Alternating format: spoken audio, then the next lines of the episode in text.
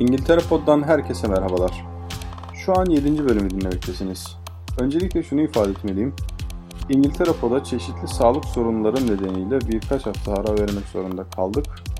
Yeni bölümler sunamadığımız bu süreç için tüm dinleyicilerimizden özür diliyorum ve tekrardan herkese iyi dinlemeler diliyorum. Bu hafta gündemimizde İngiltere'nin kronik sorunu haline gelen Brexit var. Dünyanın başına bela olan koronavirüs var. Covid-19 aşı çalışmaları var. Ve İngiltere'deki otoban hız limitleri var. Hiç vakit kaybetmeyelim ve konulara hızlıca başlayalım. Madem konu hızdan açıldı, o zaman önce otobanları konuşalım.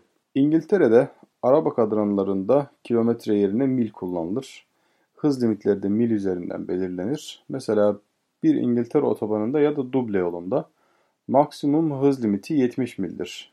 Kilometre bazında ele alırsak 112 kilometreye tekabül ediyor. Şimdi İngiltere Otoyol İdaresi bu limiti düşürme hazırlığındaymış. Gerekçe ise çevre kirliliğinin önüne geçmek. Şimdilik belirlenen bazı otobanlarda uygulanacak olan yeni limitler arabaların nitrojen dioksit salınımını düşürmeyi hedefliyor. Diğer taraftan İngiltere orta gelecekte fosil yakıtlı araçların satışını ve kullanımını tamamen yasaklamayı, yasaklamayı da planlıyor. Buna göre 2040 yılında İngiltere'de fosil yakıtlı bir aracın satışı yasak hale gelecek. Otobanlardan çıkalım ve Brexit'e uğrayalım.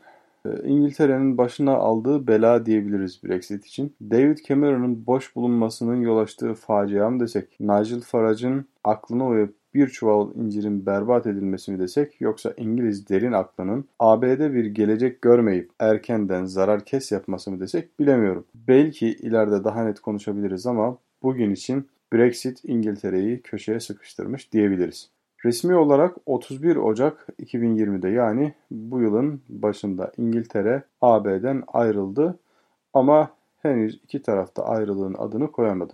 Referandumu sonrası bir başbakan, yaşanan tıkanıklıklar sonrası ikinci bir başbakan harcayan Brexit, Boris Johnson'un ne yapacağı asla tahmin edilemeyen ellerinde neye dönecek bilemiyorum. Brexit anlaşmasını tıkayan iki ana konu var. İlki Gümrük Birliği ve Ticaret Anlaşması, İngiltere ile AB Gümrük Birliği ve ortak pazar içerisinde.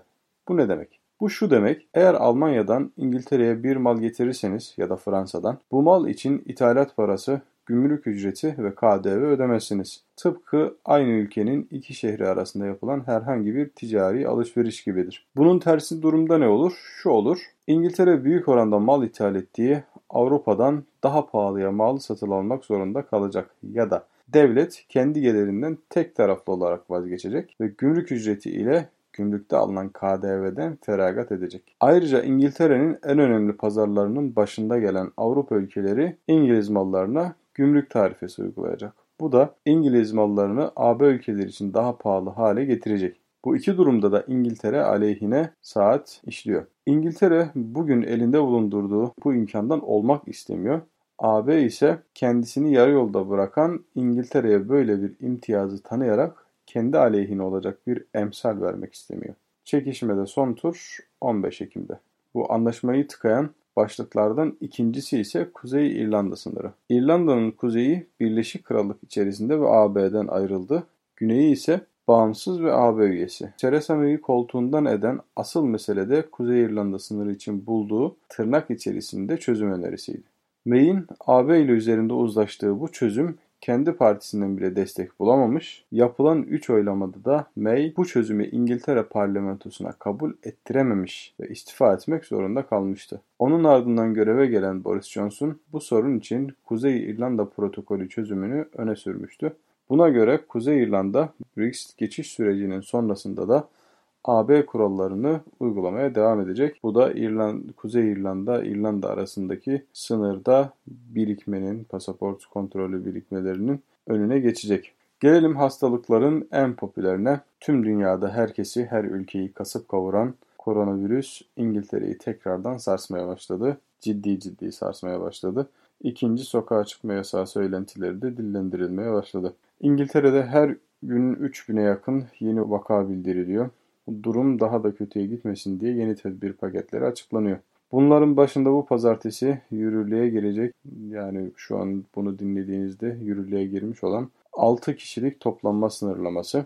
geliyor. Buna göre herhangi bir yerde aynı evde yaşamayan 6 kişiden fazla kişi bir araya gelip e, bulunamayacak, sohbet edemeyecek, duramayacak. Gerçi bu kuralın ne işe yarayacağı, henüz şüpheli. E, Boris Johnson bu tedbiri açıklarken şu ifadeyi kullandı. İkinci sokağa çıkma yasağını engellemek istiyorsak bu yasaklara uymak zorundayız. Bu kurallar vaka sayısındaki artışı durdurur mu bilemiyorum ama gürleyip gelen ikinci sokağa çıkma yasağının yakınlarda olduğunu sezebiliyorum. İngiltere koronavirüsten İngiltere'de koronavirüsten hayatını kaybedenlerin sayısı bugün itibariyle 41 bin 42 bin civarında. Devlet bir taraftan tedbir almaya çalışırken bilim adamları da diğer taraftan bizzat virüsün kendisiyle savaşmak için çaba sarf ediyorlar. Oxford Üniversitesi de onlardan biri. Geçtiğimiz bölümlerden birinde Oxford'da yapılan aşı çalışmalarından bahsetmiştik. O çalışma geçtiğimiz günlerde sekteye uğradı ve mecburen durdurulmak zorunda kalındı.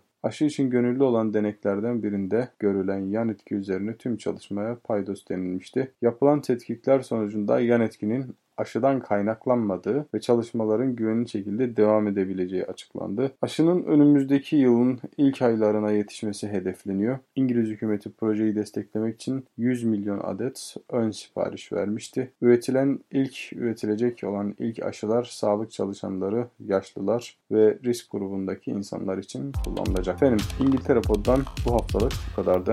Dinleyen herkese teşekkür ediyorum ve hepinize güzel bir hafta diliyorum.